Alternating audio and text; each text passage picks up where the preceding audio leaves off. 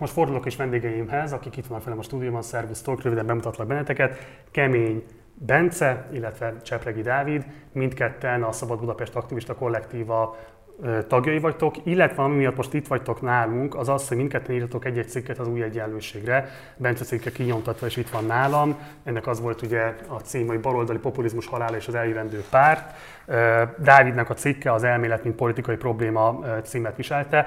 Fogunk ezekről is beszélgetni, de mielőtt ezt mi megtennénk, kérlek, hogy röviden ismertessétek azt, hogy az elmúlt három hónapban, tehát nagyjából a koronavírus járvány kirobbanása, a különböző korlátozó intézkedések bevezetése után, hogy látjátok, hogyan reagált a budapesti baloldali közeg a járványal kapcsolatos intézkedések szolidaritásvállalás tekintetében? Sziasztok, szerintem kezdem én. Egy picit messzebbről, tehát mielőtt volt ez a szolidaritási, szolidaritási akciócsoport, csináltunk egy olyan ilyen egyeztető intézményt, aminek az volt a neve, hogy Balos Fórum. Ennek az volt a lényege, hogy ott még csak így össze megbeszéltük egymást, hogy mit csinálunk, mik a terveink, és próbáltunk kapcsolódási pontokat találni.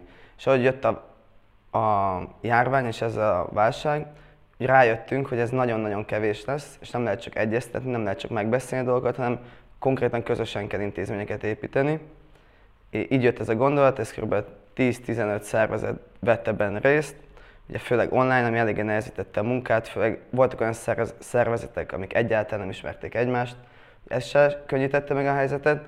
A lényeg az, hogy a konkrét munka az az volt, hogy megnéztük a problémákat először, ebből születtek ezek a cikkek, vagy inkább tanulmányok, és megnéztük, hogy milyen cselekvések, milyen tevékenységek tudnak ehhez kapcsolódni, milyen intézményeket tudunk építeni, ami a válság után is fennmarad, és ezekre a problémákra tartós megoldást nyújt. És akkor így jött ki a, nagyon konkrétan a, egy ilyen kölcsönsegítségnyújtási ö, projekt, amiben maszkokat vartunk, meg védőfelszerelést csináltunk.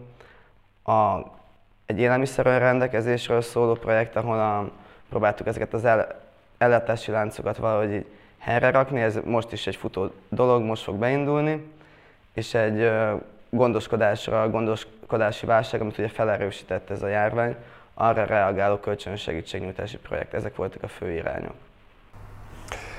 Voltak ugye ezek a cikkek, amiket említettél te is a bevezetőben, amik, egy ilyen, amik viszonylag gyorsan születtek különben. Szerintem egy-két hét leforgása alatt megszületett az összes. Néhányra volt is szervezve online beszélgetés. És ha arra talán nem is mm, megfelelőek, vagy nem voltak megfelelőek, hogy így betöltsenek egy ilyen erőteljes propaganda illetve agitációs szerepet, ami túlmegy ezen a közegen, arra mindenképp jók voltak, hogy azokat a szereplőket, akik eddig így nem nagyon ismerték egymást, így nagyjából összehangolt, és meg, ö, így sikerült megfogalmazniuk egy ilyen közös nevezőt is, meg ö, elemezni a helyzetet, és aztán abból ilyen kiinduló pontokat találni. Ezen kívül a, az ilyen mutual aid, vagy a kölcsönös segítség volt az, ami, a, ami így konkrétan történt a, a gyakorlatban is, itt Budapesten. Nem tudom, hogy erről mennyit beszéljünk. Nyugodtan, folytasd. Ugye elindult egy ilyen Facebook csoport, a Szolidaritás a válságban néven, és ott próbáltuk megszervezni azt, hogy az emberek így gyakorlatilag önkéntes alapon varjanak maszkokat, ami helyek közel sikerült is, mellette csináltunk készfertőtlenítőket, amiket eljuttattunk krízisközpontokba, vasutasokhoz, önkormányzatokhoz, stb. stb. Az volt a tapasztalat, hogy különben sok esetben külső facilitálás nélkül is ezek a közösségek, vagy akár munkahelyek, dolgozók, munkások így már létrehoztak ilyen, ilyen tevékenységeket egymás segítésére, és ezekben mi ilyen segítőként tudtunk gyakorlatilag részt venni. Hogyan értékelitek, és ez a kérdés? Picit már átvezett a szövegeitekre is, milyen állapotban most jelenleg a közeg, illetve pontosabban mik azok az esetleges előrelépések, amiket realizálni tudott ebben az elmúlt három hónapban, tehát hogyan tudta használni a válságot, mint lehetőséget arra, hogy amiről ti is beszéltetek, megszervezze saját magát, az egymást nem ismerő szereplők közös felületekre kerüljenek, és megpróbálnak valami fajta együttműködésben gondolkodni, tehát mennyiben vagyunk bejebb, ha bejebb vagyunk három hónappal a járvány kitörése után? Még, még egy dolog az előzőhöz, és ami átvezet ide. Szóval ez a szövetkezeti mozgalom, ami legalább 5 éve épülget itt Magyarországon, és ezt kihagytuk egy kicsit, azért az nagyon látszik, hogy most, amikor egy csomó vállalkozás, vendéglátás, stb. csődbe ment, látszik, hogy a szövetkezeti mozgalom, vagy a szövetkezeti központ, az igazából még meg is tudott újulni, vagy tudott fejlődni. És ehhez kapcsolódik ez az új intézmény, ami szintén ebből a közös munkából jött ki a futárszövetkezet, ami ugye a, tehát a vendéglátás megállt, de hatalmas igény volt a házhozszállításra, és ezért pillanatok alatt csináltak egy futárszövetkezetet, mindenféle mozgalmi erőforrás becsatornázva. Szóval látszik, hogy vannak olyan módok, olyan szervezési módok, amik egyet, egyszerűen ellenállóbbak a válságban, sőt, épp a válságban tudnak egy picit fellendülni. Ez még nagyon fontos szerintem ez az egész, ahhoz, hogy így hogyan reagált a mozgalom. Én azt gondolom, hogy a, például az én cikkemben leírt problémák, azok nem oldódtak meg, egy picit közelebb kerültünk egyetlen pro- probléma megfogalmazásához. Most a közös munka alatt is kijött az, hogy ez egyik legfontosabb probléma, hogyha egy ernyő szervezetet csinálsz, és nem egy szervezeten belül csinálod meg ezeket a funkciókat, az az, hogy fellép az ilyen központi autoritásnak a problémája, hogy ki alkosson stratégiát, ki irányítson, ki hozzon döntéseket. Ez egy nagyon nehéz probléma még egy szervezeten belül is, de úgy, hogy több nagyon különböző szervezet dolgozik együtt, úgy különösen, de ennek ellenére, anélkül, hogy ezt megoldottuk volna, így is elég, elég komoly közös munkát tudtunk csinálni, ami szerintem egy jó jel arra, és egy picit alátámasztja is, hogy nem feltétlenül az ilyen politikai ide, ide, ideológiák számítanak, hanem inkább a konkrét tevékenység, és az, hogy hogyan tudnak ebben a konkrét tevékenységben egymáshoz, egy, egymáshoz csatlakozni a szervezetek. Egy follow-up kérdés csak gyorsan, hogy ha olyan emberek nézik esetleg a műsorunkat, akik nem találkoztak ezekkel a különböző szerveződésekkel, meg ezekkel a kezdeményezésekkel, és még felvetik azt a kérdést, hogy mégis mekkora a rádiusza mondjuk ennek az egész kezdeményezésnek, mit tudtok mondani, jelenleg egyébként hány emberrel, hány ügyféle, hogyha szabad így fogalmazni, állhat kapcsolatban a, a, a, az általatok vázolt szervezetek vagy szerveződések bármelyikkel? Kevés, kevés emberrel. Tehát, hogy maga, az, akinek szervezeti tagság van ezekben a szervezetekben, az így maximum a százas nagyságrendben. Aki aktív szerző, szervezői munkát vállal, az pár tucat ember lényegében. Tehát, hogy erre se tudott főleg egy, egy válság alatt ö, tagságot növelni, úgyhogy ez egyik fő probléma, hogy ezek a szervezetek is, amik benne vannak ebben az együttműködésben, ezekhez nem lehet csatlakozni. Tehát, hogy alapvetően egy, egy a legtöbb szervezet kifelé azért zárt. Most egy kutatóműhelyhez nem fog akárki az utcára tudni bemenni és csatlakozni, szóval erre, nem, erre még nem született megoldás szerintem. Erre lenne ugye az egyik válasz az, hogy szervezzünk ilyen közösségi segítségeket, ilyen projekteket, de hogy erre se, tehát hogy alapvetően az online téren keresztül egyszerűen nem lehet úgy szervezni és mobilizálni embereket, mint konkrét gyakorlati tevékenységekkel, vagy face-to-face. Ami a közeget és ezt a válságot illeti, szerintem Szerintem egy ilyen, egy ilyen, ö, ilyen nagy gondolat volt, ugye, hogy, hogy, hogy a válság van, akkor a társadalom majd realizálja azt, hogy ö, meg az ilyen rosszabbul érintett részé a társadalomnak realizálják azt, hogy mennyire szörnyek azok a körülmények, amelyek, meg, amelyek között él, stb. stb. És erre tök érdekes volt szerintem a, a Róna Daniéknek a kutatása a 21 kutatóintézetből, ahol így gyakorlatilag az jött le, hogy a leginkább leginkább támogatói a Fidesznek és a ner azok sok esetben pont, hogy a, azok, a, azok a társadalmi rétegek és osztályok, akik ebből nem igazán profitálnak. Hát pontosabban profitálnak a saját felfogásuk értelmében. Igen, relatíve, relatíve, relatíve jobban jönnek. Nyertesei a saját megélésük szerint pont ez volt a lényege, de hogy, de hogy közben valóban egyébként vesztesei ennek a Igen, igen, igen. Ennek. Hogyha a környező országokat nézzük, Szlovákiát, Lengyelországot, Szlovének lehetne jobb is. Igen, és uh, szerintem az, az az nagyjából azt a mítoszt így, ez nagyjából azt a mítoszt így lerombolta, hogy így hát majd rossz esetben, vagy rossz életkörülmények között az emberek felázadnak, és inkább azok a fajta ilyen gondolatok, cikkek, mint például a Benci is jelennek meg, hogy hát úgy tűnik, hogy nem lehet bízni ebben a spontaneitásban, nem lehet abban bízni, hogy majd így hirtelen az emberek rájönnek, hogy hát nekik sokkal rosszabb a helyzetük, még akkor is, hogyha jobb, mint a 2000-es években, mint a, nem tudom, mint a szlovén munkásoknak, vagy akár a horvátoknak, hanem egyszerűen itt aktív gyakorlati szervezőmunkát kell beletenni abba, hogy egy ilyen válságot úgy értelmezzenek a válságot megélő emberek, hogy utána a saját érdeküket tudják képviselni rövid és hosszú távon is. Szóval bázist kell építeni. És ez szerintem az ilyen közeg egyik legnagyobb talán, és talán most a legszélesebb körben elfogadott konklúziója.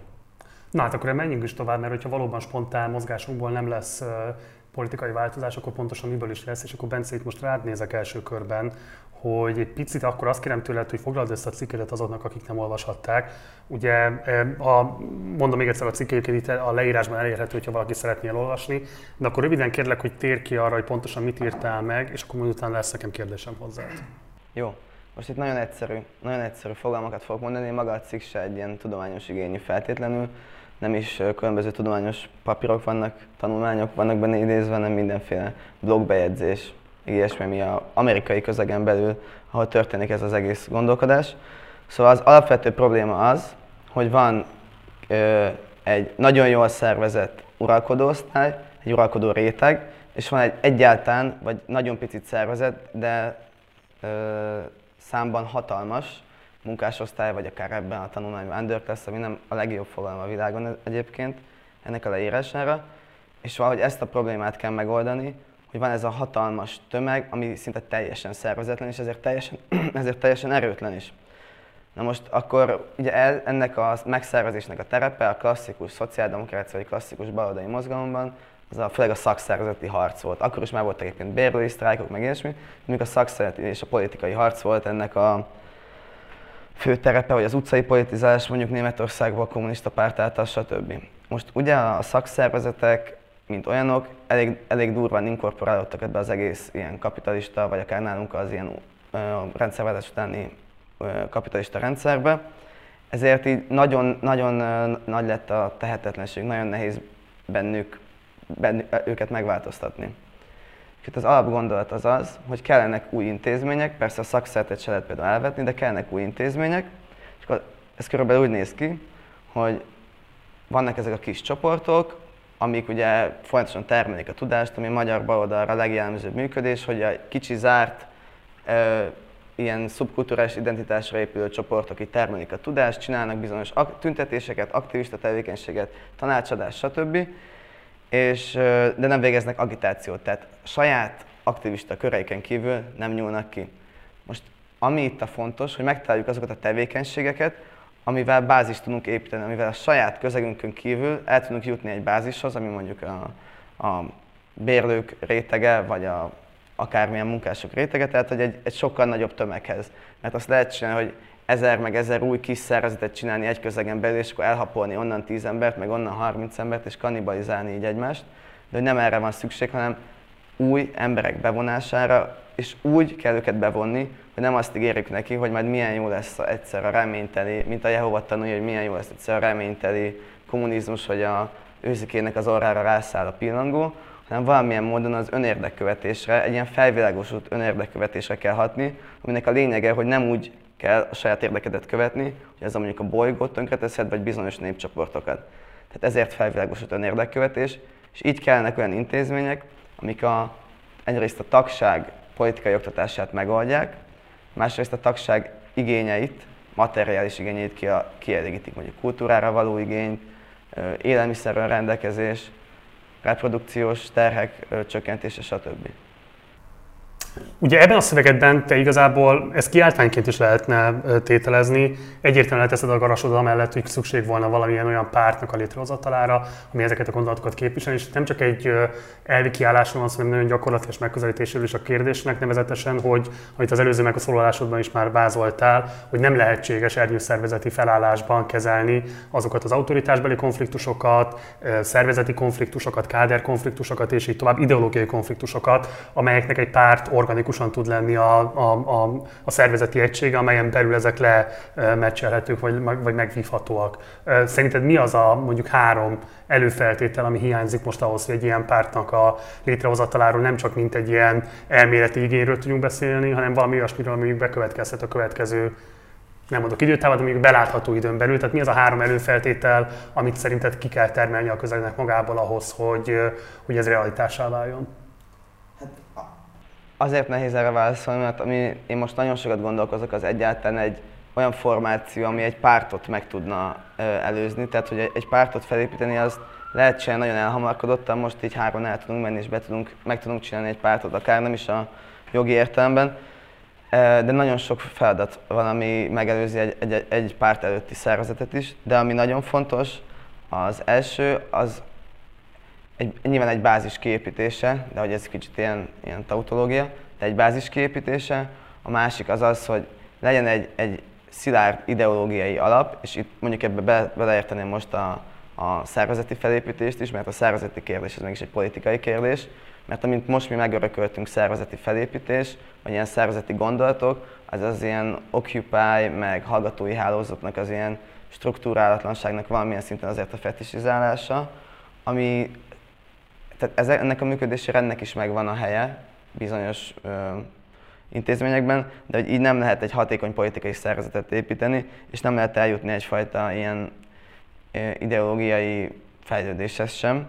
Szóval egy, erre mindenképp szükség van, és azoknak az intézményeknek a biztosítására, hogy mindenki ezzel jusson a tudást. Tehát, hogy legyen olyan egy, ez a szervezet, mint egy fraktál, hogy ahogy működik a nem tudom, a központi bizottság, úgy működjön minden munkacsoport, és mindenkire ugyanaz legyen érvényes, mindenkinek meg legyen a tudása ahhoz, hogy ő is be tudjon magasabb pozíciókat tölteni.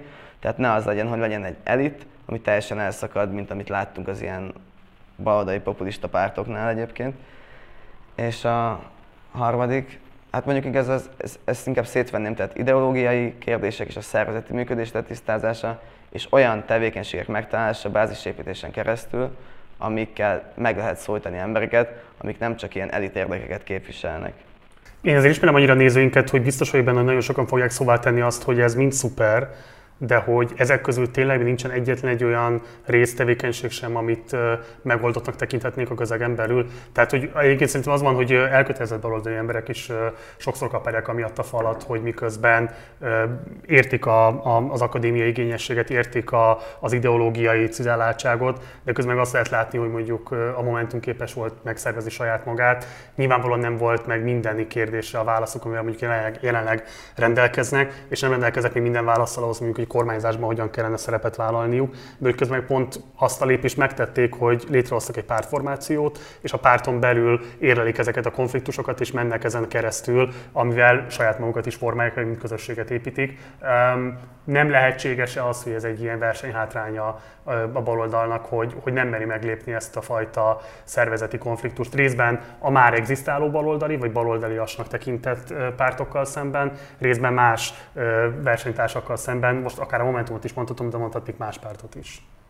Én csak ide azt szúrnám be, hogy a Momentumnak olyan szempontból előnye volt, hogy a Momentum szavazóbázisa, meg ugye mielőtt elindult ez a menjünk el vidékre programjuk gyakorlatilag, akkor látszott az, hogy azok az emberek fogják ők támogatni vidéken is, akik kiebrándultak a létező balliberális vagy liberális pártokból, esetleg konzervatív pártokból, vagy adott esetben a Fideszből is, és leginkább ilyen értelmiségi háttérre rendelkeznek vidéken is akiket sokkal könnyebb ugye megszervezni, meg alapszervezetbe tömöríteni, mint azokat az embereket, akikről most mi beszélünk, akik az underclassnak a tagjai, illetve a vidéki munkásosztály, ha úgy tetszik. Azért, mert sokkal kevesebb szabadidejük van, az ilyen ideológiai indoktrinációról már nem is beszél, stb. stb.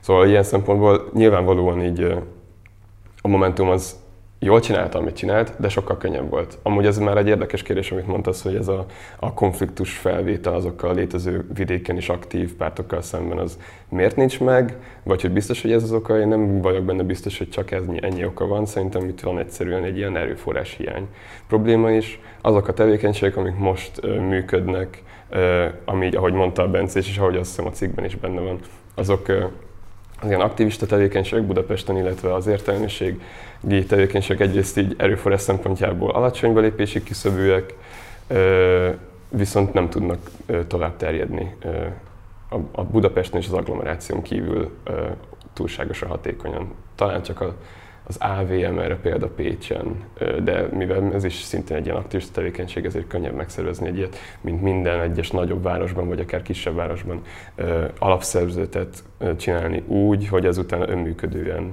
uh-huh. fennmaradjon. Uh-huh.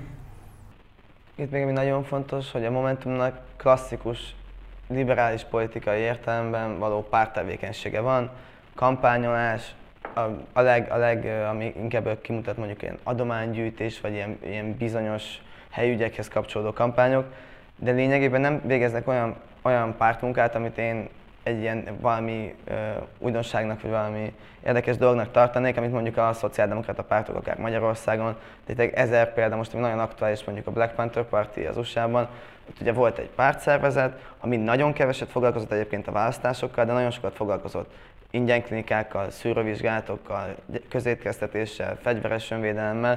Tehát, hogy olyan tevékenység, amiket egész, egész negyedeket, egész városokat tudtak maguk mellé állítani, plusz rengeteg szövetségest a saját közegükön kívül, ugye egyetemistákat, puertorikóiakat, stb. stb.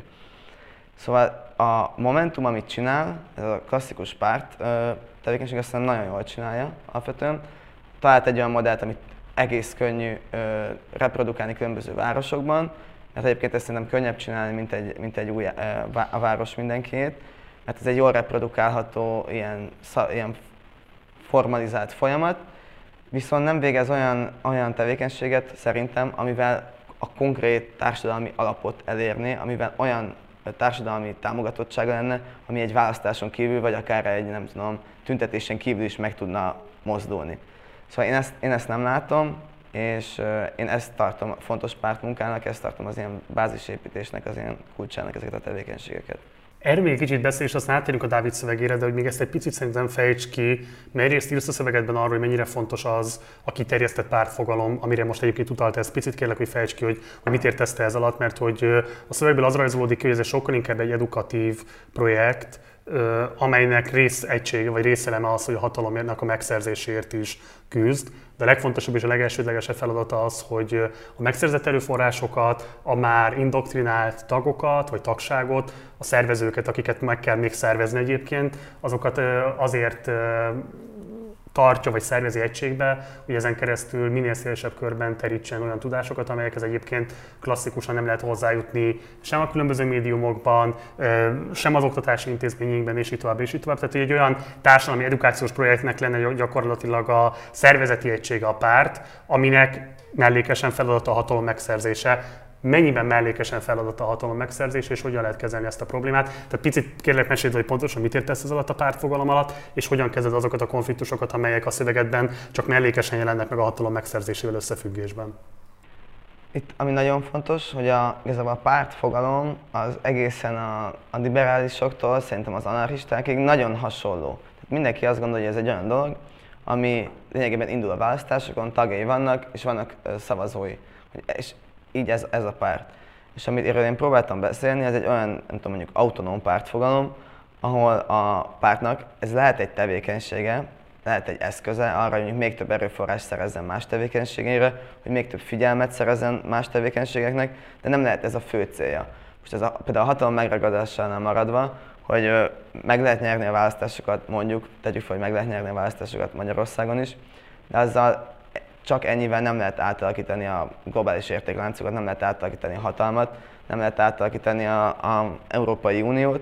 Ehhez valami fajta olyan mozgalom kell, ami egyrészt olyan tevékenységből, amik reprodukálhatóak, tehát ez egy mindenképpen nemzetközi mozgalom, értemszerűen, mint hogy egyszerűen nem lehet máshogy elképzelni ezt, hogy ez működjön. Aminek a cél nem feltétlenül a hatalom megragadása, mert hogy mindenképp a hatalom megragadása, de azzal a cél, hogy azt a hatalmat valamilyen módon átalakítsa, az, hogy milyen módon, azt ezt biztos, hogy nem fogom én most megmondani, de biztos, hogy olyan módon, ami a kiterjesztő demokráciát, a gazdasági demokráciára, és nem csak ezt a hegemon demokrácia értelmezést fogja szolgálni. Szóval én valahogy, valahogy így képzelem ezt, és ez mindenképp szükséges az, hogy a, a tagok érdekei már ez alatt a folyamat alatt legalább egy részük ki legyen elégítve, legalább egy részük, egy, tehát legalább egy bizonyos szegletekben tudjanak a társadalomba máshogy integrálódni egy záró kérdés, hogy aztán áttérünk a cikkedre, Dávid, de hogy mit válaszolsz azokra a kritikákra, amelyek azt vetik föl, hogy ez annyira elnagyolt, annyira idealisztikus megközelítése a párt fogalmának, miközben az is már hatalmas előrelépés lenne, mondjuk lenne egy dedikált parlamenti frakció, lennének nem tudom városok dedikált képviselőtestülettel, és itt tovább, és itt tovább. Tehát, hogy, hogy, hogy nemzetközi együttműködések, a hatalom fogalmának, a termelési értékláncoknak a megbontása, akár csak régiós együttműködésben, tehát hogy olyan távol vagyunk, vagyunk, hogy valószínűleg az Orbán rezsim bukását könnyebb elképzelnünk, semmit mondjuk, hogy egy ilyen együttműködés ki tudna alakítani mi generációnk, vagy, vagy mondjuk a következő 20 éven ki tudna alakítani generációk széles körű együttműködése. Mit válaszolsz ezekre a kritikákra? az, hogy ezek a folyamatok történnek minden nap. Tehát a globális értékláncokat átalakítják a nagy cégek, átalakítják a nemzetközi tőkefrakciók, a hatalom fogalmát átalakítják a jobboldali populista pártok. Tehát, hogy ez eddig is, eddig is történt ez a folyamat, csak nem a mi érdekünkben, nem az emberek érdekében. És ha ezek a, ezeket a dolgokat meg lehet csinálni, akkor azt is el tudom képzelni, hogy akkor az emberek is meg tudják tenni, nem csak a, a legszervezettebb, legnagyobb hatalommal rendelkezők, és a másik pedig, hogy nem tudom idealisztikusnak gondolni azt, aminek ilyen mély gyökerei lehetnek mondjuk a materialitásban, és láttuk, hogy bizonyos pártok, nem mindegyik, nagyon-nagyon nem mindegyik, mondjuk a német vagy a magyar szociáldemokrata párt bizonyos időszakokban erre képes volt bizonyos tevékenységek használatával, amik megváltoztak, ezért nekünk is változnunk kell. Köszönöm szépen. Dávid, Én ezt még ja, bocs, valamennyivel kiegészíteném, hogy ugye, hogy ugye mondod azt, hogy miért nem az a cél, hogy akkor csináljunk egy parlamenti frakciót, vagy csináljunk, vagy érjük el azt, hogy egy-két helyen az egyéni választókerületben legyenek életünk, stb. stb. És én úgy gondolom, hogy ezt tényleg ezt, ezt könnyen meg lehetne oldani. Tehát, hogy pont ez a, pont ez a, a kritika moment. Meg lehetne oldani, csak én úgy gondolom, hogy viszonylag igen, és pont ez a kritika momentummal szemben is, hogy, hogy az, amit csinálnak, meg amiről beszélünk, az egy ilyen viszonylag gyorsan abszolválható probléma. Viszont hosszú távon nem fenntartható. Azzal, hogyha, tehát hogyha így csak vannak jelöltjeink, esetleg akár képviselőink is, de nincs mögöttük semmilyen bázis, ami, ami egyrészt biztosítja azt, hogy a képviselőknek az akarata, illetve programja ö, ö, valóban egy ilyen fenyegetésként tűnjön az uralkodó osztályjal szemben, az kell az, hogy bázisa legyen, és, az, és ahhoz is kell, hogy hosszan, több cikluson, több éven keresztül fenntartható legyen a reprezentációs működése ezeknek az embereknek. Szóval, szóval azzal, hogyha először csinálnánk ilyen képviselőket, és utána a bázist, azzal így felcserélnénk a lépéseket szerintem. Térjünk át a cikkedre, amelyben te a reálpolitikai fordulattal kapcsolatban leggyakrabban fölvetett ilyen morális vagy ilyen purista kérdésekre tértél ki. Úgyhogy kérlek, hogy röviden akkor te is most foglald össze, hogy pontosan milyen állításokat tettél ebben a cikkben, mi voltak a legfontosabb állításaid, és szintén csak azt mondani a nézőinknek, hogy kit érdekel a teljes cikk az a leírásban, ezt is el tudja olvasni. Dávid. Köszi, hogy felhoztál a cikket. Én egy lépéssel valóban távlabbról kezdtem az elemzés, és ez még akkor is inkább egy ilyen elméleti cikk, hogyha itt pont a gyakorlat mellett és a kontextus mellett érvelek sokszor. Annyiban különbözik a, a Bence cikkétől, amit, amiről beszéltünk, hogy ez egy recenzió. Ez egy rövid könyvecskének a, a gyakorlatilag bemutatása, és valamennyire illesztése, vagy így időben és helyben közelítése a magyar helyzethez. Azt a fajta hozzáállást kritizálom, ami, ami, ami te is, ahogy te is említetted, ami ilyen idealista, és illetve ilyen kicsit szerintem szektariánus, tehát hogy ilyen kis csoportok felé húzó politikához vezet. Mi szerint igazából így van egyfajta elmélet, ami, amit így mi főleg erkölcsi, illetve egy absztrakt elvek mellett mentén fogalmazunk meg, és ebből próbáljuk levezetni azt a politikai gyakorlatot, amit mi jónak tartunk. És én azt gondolom, hogy ez sok szempontból nem lehetséges. Egyrészt azért sem lehetséges, mert hogy így nagyon nehéz sokszor a valóságba, valóságra ráhúzni ezeket az elméleteket, másrészt egyáltalán nem viszi előre azt a fajta ilyen tömegpolitizálást és bázisépítést, amiről mi beszélünk éppen, mert hogyha így azt mondjuk az embereknek csak szimplán, hogy így hát nem fontos nektek az igazságosság, akkor így azt mondják, hogy így de persze, de hogy utána nem fognak tudni, nem fogják tudni, meg mi sem fogjuk igazából tudni, hogy mi a következő lépés, tehát hogy mi a teendő ebből fakadóan. Sok minden van még igazából abban a, a cikkben, nem tudom, hogy miről beszéljek még. Szerintem erről a reálpolitikai fordulatról beszélünk egy picit még, mert szerintem ez egy nagyon fontos kérdés, és biztos, hogy vissza-visszatérően fontos lesz majd a következő években is. Hogyha mondjuk itt ülne most egy olyan nézőnk, vagy nem, itt ülne Puzsér Robert, akkor ő valószínűleg azért amellett érvelne jelentős hangerővel, hogy, hogy itt azért lényegileg nem a hogy milyen amorális döntések meg ideologizálásáról van szó. Nem arról van szó, hogy a, amire azt gondoljuk egyébként, hogy, hogy morálisan nem biztos, hogy fölvállalható, vagy nem biztos, hogy jó szívvel támogatható, akkor észül egy elméletet ez a cikk, és az általad hivatkozott szakirodalom.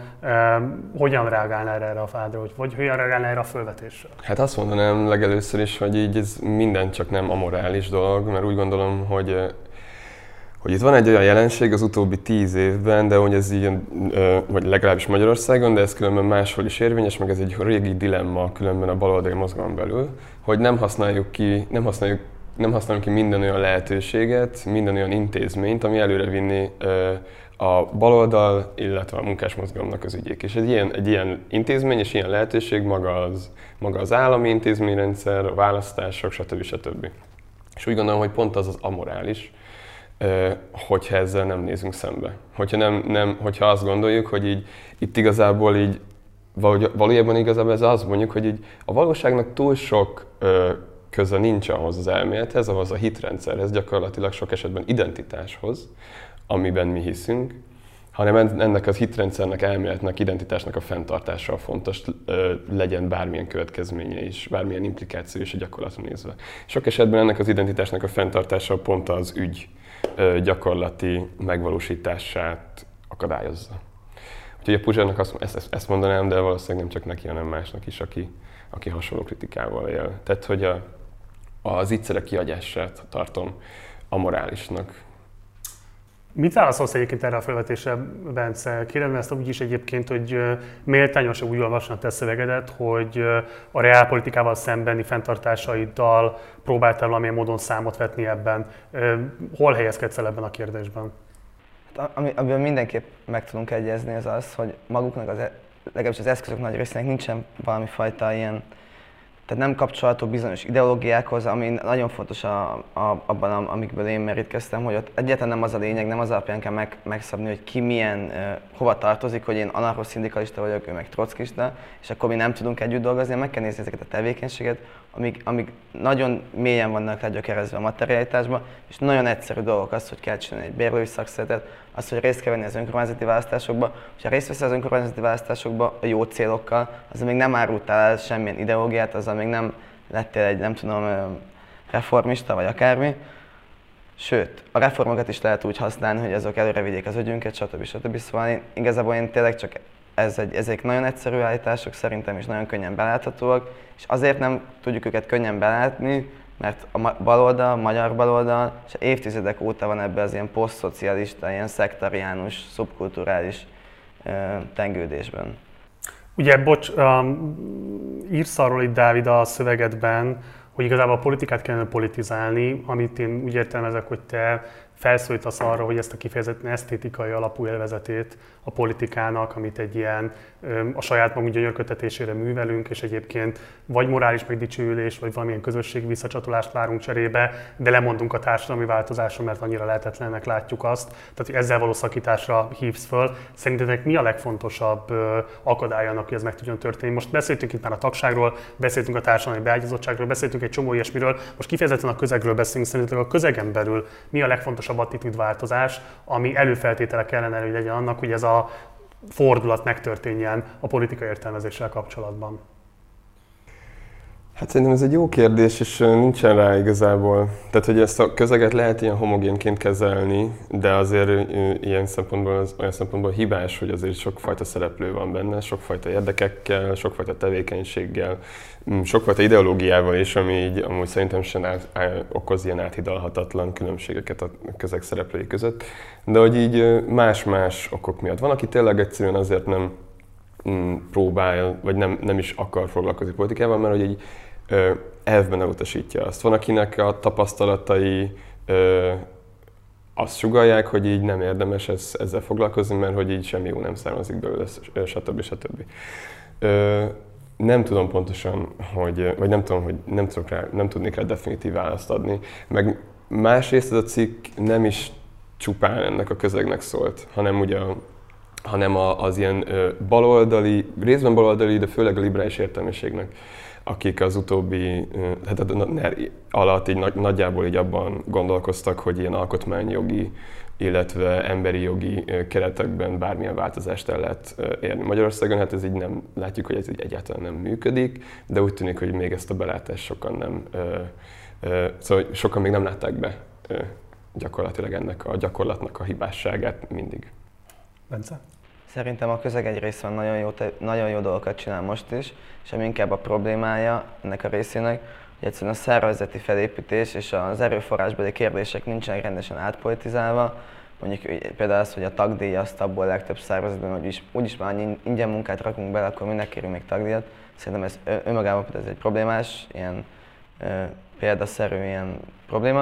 A másik pedig, a másik felének a közegnek meg egyet, egyet, egyáltalán azt kell meglépnie, amit mondjuk az orosz szociáldemokraták 120 éve megléptek, hogy az ilyen kiskörös propaganda tevékenységben, ahol csak ilyen tényleg nagyon kis körökbe csináljuk a szövegeket, egymás szövegét olvassuk, másokat kritizálunk, abból át kell lépni az agitációba, amikor ugyanezek az emberek megpróbáltak kimenni a gyárakba, kimenni a termelőszövetkezetekbe, vagy ilyen termelőközösségbe, és, és ott megpróbálták őket ez, ezt a propagandát átütetni egy gyakorlatba. Ez, nagyon sok szervezetnek, vagy csoportosulásnak, vagy nem tudom minek, ezt kéne megúrania szerintem.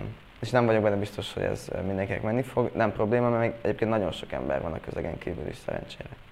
Jó, és akkor ja, nem mondjuk. Ja, csak ehhez még hozzáfűzni igazából ilyen személyesebb aggájaimat, hogy ugye, hogy ugye olyan történelmi időben élünk, ahol nem lehet igazából így tökéletesen reprodukálni azt, amit 120 éve az orosz szociáldemokrata párt megtett, vagy a németek, stb., hogy így, hogy így ugyanazt üzenetet, csak így, tehát ugyanúgy az ilyen uh, marxista elemzést így átvisszük egy másik kontextusba, és ott, uh, és ott gyárakban zárt uh, munkakörülmények között ezt így nagyon gyorsan ter- lehet terjeszteni. Ennek van egy ilyen tök materiális része, hogy egy, egyrészt a termelés az meg máshogy történik, stb. stb. Másrészt van egy ilyen történelmi ideológiai háttere is, hogy, hogy ugye a Szovjetunió létezése, keleti blokk létezése és bukása miatt nem lehet kritikátlanul ö, ö, alkalmazni ezeket a sok esetben ö, fogalmakat, szakkifejezéseket, stb., hanem valahogy szerintem így azt kell megtalálni, hogy hogyan tudjuk megőrizni a tartalmat, anélkül, hogy, hogy újra ismételnénk ezeket a szektoriánus dolgokat.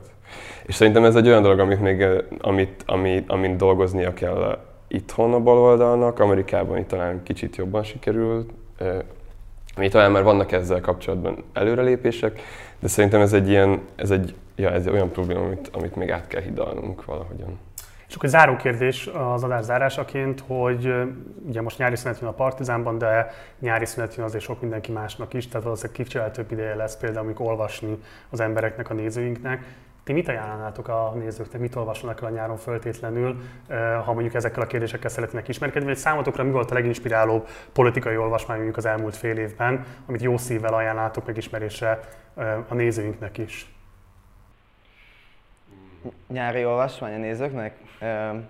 Ajánlanám Rosa Luxemburgot mindenképpen, Abdullah Öcsalent, és ezek nem kell sok szöveget olvasni, szerintem pár szöveget kell nagyon alaposan elolvasni, jól megérteni, és aztán lehet, de nagyon fontos az, hogy egy pár szöveg, amit tényleg az ember ért és szeret, és én ezeket, mondjuk ezt a kettőt ajánlom így nyárra most mindenképpen. Fogunk kérni kettő linket tőled, és akkor azt is berakjuk majd a leírásba, és akkor lehet majd ezen keresztül is tájékozódni, Dávid? Fú, hát ez egy nagyon-nagyon hirtelen kérdés.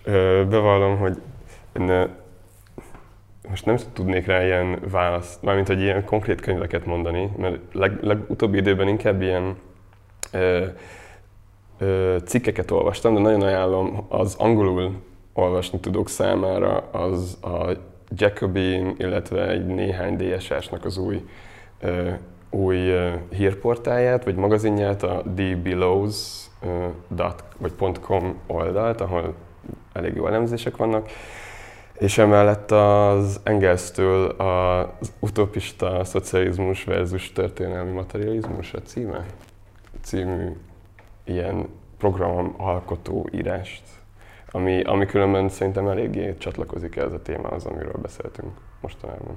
Kiváló, ezt is meg tudom belinkelni a elérhető digitális példány. Nagyon szépen köszönöm mindkettőtöknek, hogy itt voltatok. Csepregi Dávid és Kemény Bence, a Szabad Budapest Aktivista Kollektíva tagjai. Gyertek majd máskor is hozzánk. Ez volt most a hétfői adás, holnap érkezik az évadzáró adásunk, amelyben a budapesti köztéri szobrászat helyzetét fogjuk áttekinteni.